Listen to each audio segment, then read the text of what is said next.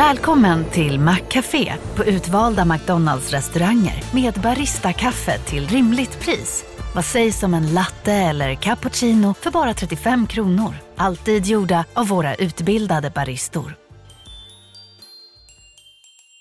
Hej, Susanne Axel här. När du gör som jag och listar dig på en av Krys vårdcentraler får du en fast läkarkontakt som kan din sjukdomshistoria. Du får träffa erfarna specialister, tillgång till lättakuten och så kan du chatta med vårdpersonalen. Så gör ditt viktigaste val idag, lista dig hos Kry.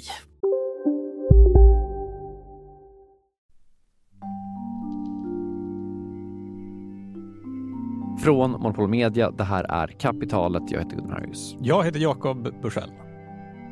As I said, I'm a financial historian, and anyone with a an understanding of of financial history and and the history of bubbles can see pretty much the bubble uh, growing in real time. I veckan eh, släppte vi ett avsnitt med eh, ekonomhistorikern och författaren Edward Chancellor om räntans historia. Mm, intressant. Ja, du kanske minns. Eh, som jag sa i det avsnittet så är ju Edward Chancellor mest känd för att ha förutspått massa olika bubblor, alltså finansiella bubblor. Han kallade IT-bubblan för just en bubbla långt innan den sprack.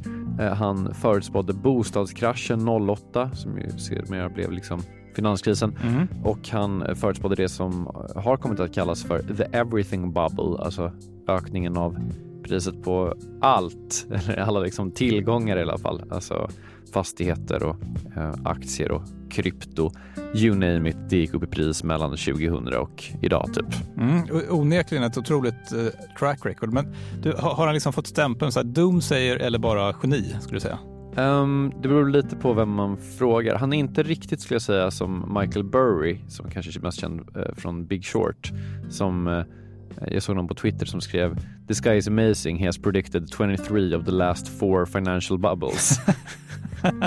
Där är väl inte Edward Chancellor. Alltså han, han, han säger inte om allt hela tiden, utan han har sagt det några gånger. Jag tror inte att han har sagt det någon gång när det inte har hänt. Så jag, jag tror att han är typ 100% bara. Ja, okej. Okay. Geni. Ja. När jag ändå pratade då med Edward Chancellor så tyckte jag att det vore kul att prata lite om det här. Hur förutspår man en bubbla?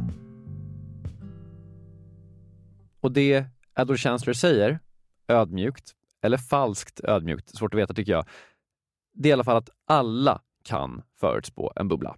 I think the person on the street is pretty good at identifying bubbles. I, I haven't really done, you know, it's, it's my work, so obviously I've written more about it, but I think I don't think I've done anything extraordinary in that respect.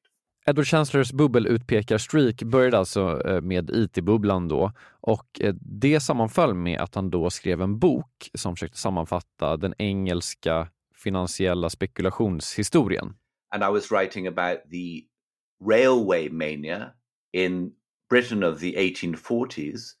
And at the time, if you look at what people were writing about the railway technology in the 1840s, they were saying this was a an information communications revolution that was going to change the world, change how people live their lives, and how this was tremendously exciting, and how railway stocks were the best investment you were ever likely to have. And people were launching all sorts of railway companies, and and the price of railway companies were being bid up.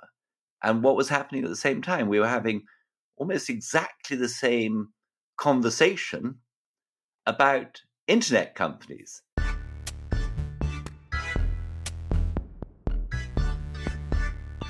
Så ska man pinpointa vad Edward Chancellor pinpointade eh, så var det väl ungefär det här. 1. Ny revolutionerande teknologi som ska förändra allt. 2. Nya företag som dyker upp överallt. Och 3. De företagen värderas till superhöga priser.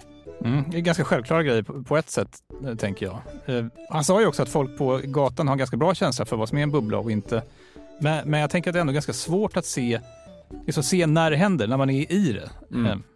det är klart enklare att se det i efterhand såklart. Just det. Och kanske är så, menar Edward Chancellor, att det är ännu svårare att se det när man faktiskt jobbar med det. What's extraordinary is that a lot of people, in particular economists and many fund managers cannot identify the bubble.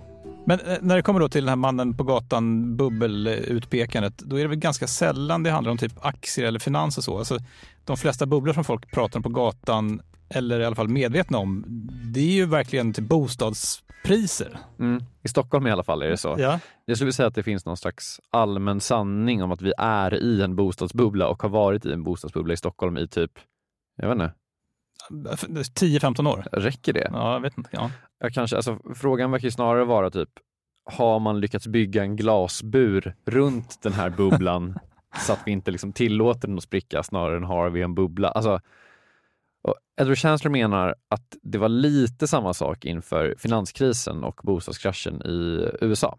which again was a bubble fairly easy to identify. We have long data series of house prices and we have data series of median household income. And if you divide the house price by the median household income, there tends to be a, a relatively stable relationship between incomes and house prices, as you can imagine. Now, if you looked at what was happening in, in the US from, say, 2002 to 2006, you saw suddenly that house prices had massively diverged relative to incomes. In fact, they'd gone up in a parabolic fashion. Does one deserve any credit for identifying the bubble? I don't think so. I think that those people who said there was no bubble, those people who said that the dot com bubble, the internet bubble, which was the highest valuation of US stock market in history, those who said it wasn't a bubble when it had all the features of a bubble, they they have something to answer. And I think likewise with the real estate bubble.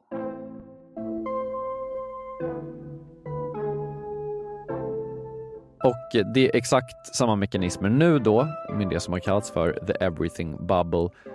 Det räcker liksom att kolla på vad brukar de här sakerna kosta i förhållande till hur mycket pengar har folk? Och eh, om det diffar mycket så är det en fet varning. Men eh, om jag bara får hoppa tillbaka lite grann. Det är ju superintressant det han sa i början med, med liksom järnvägsboomen och IT-boomen. Eh, Det här, det här förändrar allting, det här kommer förändra hur vi arbetar, hur vi kommunicerar och så vidare. Alltså, det här har ju förändrat allting. Så är det ju, men det var ju ändå bubblor. Vilket kanske leder oss till nästa poäng då, som, som handlar om exempelvis AI. Är det då nästa bubbla? Nu, nu säger ju alla, liksom, det går ju liksom inte att kolla en sekund på Twitter utan att folk berättar om hur, hur liksom mycket oreda Twitter kommer skapa, hur det förändrar allting. Hur det förändrar hur vi kommer arbeta, hur vi kommunicerar, liksom allt. Ja, det är exakt samma snack som det var om järnvägen och som det var om internet. Liksom. Ja, så, så liksom, då, då undrar man, så tänder då liksom det här bubbellampan här, hemma hos Edward Chancellor?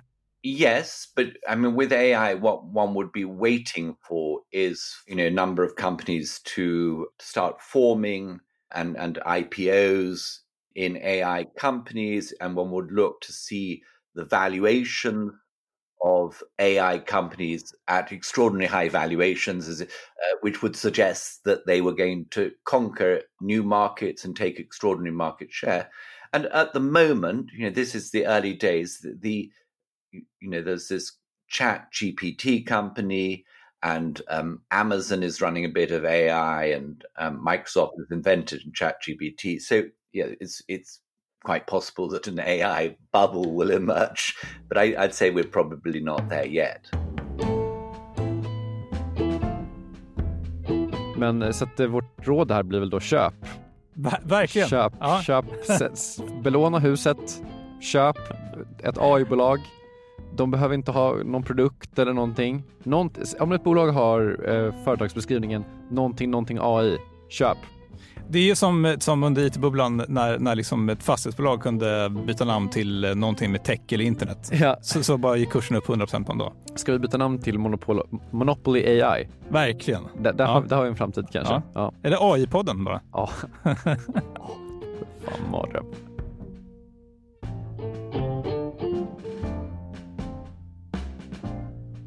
Eh, det här lilla veckoavsnittet av AI-podden slash kapitalet är slut. Eh, vi är tillbaka igen på måndag. Eh, hej då Jakob. Hej!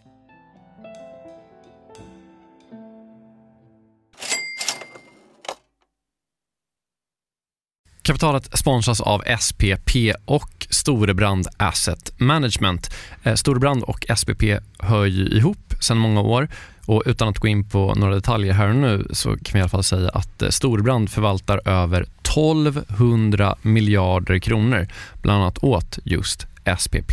Och du har ju träffat Storebrand, Jakob, och pratat om eh, Kina Ja, eh, vi, pratar i alla fall om hur Kina blivit en sån otroligt viktig del i omställningen av energisystemet. Eh, över 70 procent av värdekedjorna inom vind och solkraft kontrolleras av Kina, vilket mm.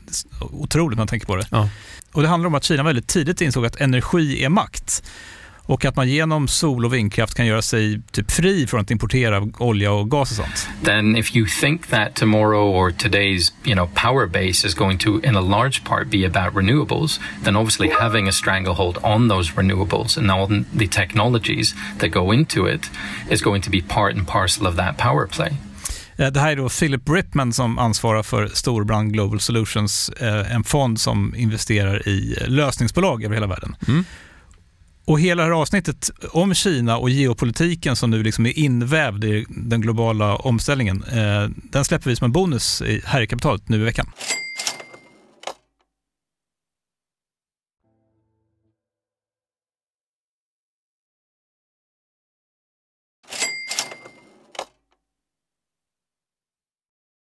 Jakob, vi har ett samarbete med Pareto Business School och det här är jag rejält nyfiken på. För ja. att, eh, eh, så här, vi jobbar ju sida vid sida, bokstavligen, sitter bredvid varandra och då och då så håller du upp ett finger och säger nu måste du vara tyst i en timme för nu ska jag eh, göra något Pareto. Exakt. Ja. Jag, jag gillar ju att lära mig nya saker, det, gör ju många journalister. Eh, så den här våren går jag då en åtta veckor lång så kallad mini-MBA. Alltså jag hade gärna gått riktig MBA också, men, men ja, inte tiden det kräver och, och framförallt ingen arbetsgivare som vill betala 800 000 för att låta mig göra det. Nej, eller kanske du har. Du är ju arbetsgivare. ja, snål, snål arbetsgivare. Mm. Eh, eh, det är då Jens Bäckbom och Mattias Eklöf, två svenska entreprenörer som har skapat den här utbildningen just eftersom det finns ett gigantiskt hål mellan typ YouTube-filmer och en, en riktig MBA. Ja, och det här är då Pareto? Exakt, Pareto MBA. Eh, Paretos utbildning kostar cirka 25 000 kronor och, och, under åtta veckor så lär man sig jättepraktiska och tillämpbara modeller för hur man startar, skalar upp, driver och säljer bolag. Eh, Jens och Mattias eh, de håller själva i många föreläsningar. De är garvade entreprenörer båda två. Mm. Och så man så olika gästföreläsare som kom in. Mm. Typ någon kille som, som, eh, var expansionschef på Spotify, någon som körde marknadsföring på Revolut, en kille som driver Sveriges största campingkedja, mm. som har varit med i kapitalet faktiskt, okay. Johan Sör. Ja. Ah, just det. Också varit en helt otrolig svensk eh, entreprenör som byggt massor med grejer i Vietnam. Alltså makalösa berättelser. Oh, wow. Eh, så den här kursen består av en blandning förinspelade moment och seminarier, men man går också i då så här kohorter tillsammans med andra deltagare från Sverige och utlandet.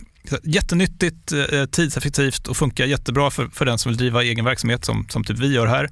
Eller om man typ driver projekt och affärer i större bolag. Wow. Om man är taggad på att uh, bli en del av den här, liksom, vad ska man säga, Jakob i skolan Om man vill bli som dig, lära sig lika mycket som, som du har lärt dig, vad, ja. vad gör man då? Eh, nästa kursstart är 5 april. Så vill man ta ett kliv framåt i sin utveckling eller karriären eller så, gå då till arbetsgivaren och kolla om du inte kan gå den här utbildningen. Priset ligger alltså på 2500 euro, men ni får 10% rabatt om ni anger Monopol Media som referens när ni eh, gör er anmälan. Mm. Eh, man kan också gå in på paretoschool.com för att eh, läsa mer och ja, se lite smakprover från själva utbildningen. Mm. Så att eh, man sparar jättemycket pengar för att gå Handels MBA och man sparar ytterligare pengar om man tar del av eh, Monopol Media-erbjudandet. Ja, exakt. Ja, en no-brainer som vanligt. Mm. Plus att man blir ju eh, alumnkollega med mig då. Verkligen. Så stort, stort tack till eh, Pareto Business School och eh, gå in på paretoschool.com.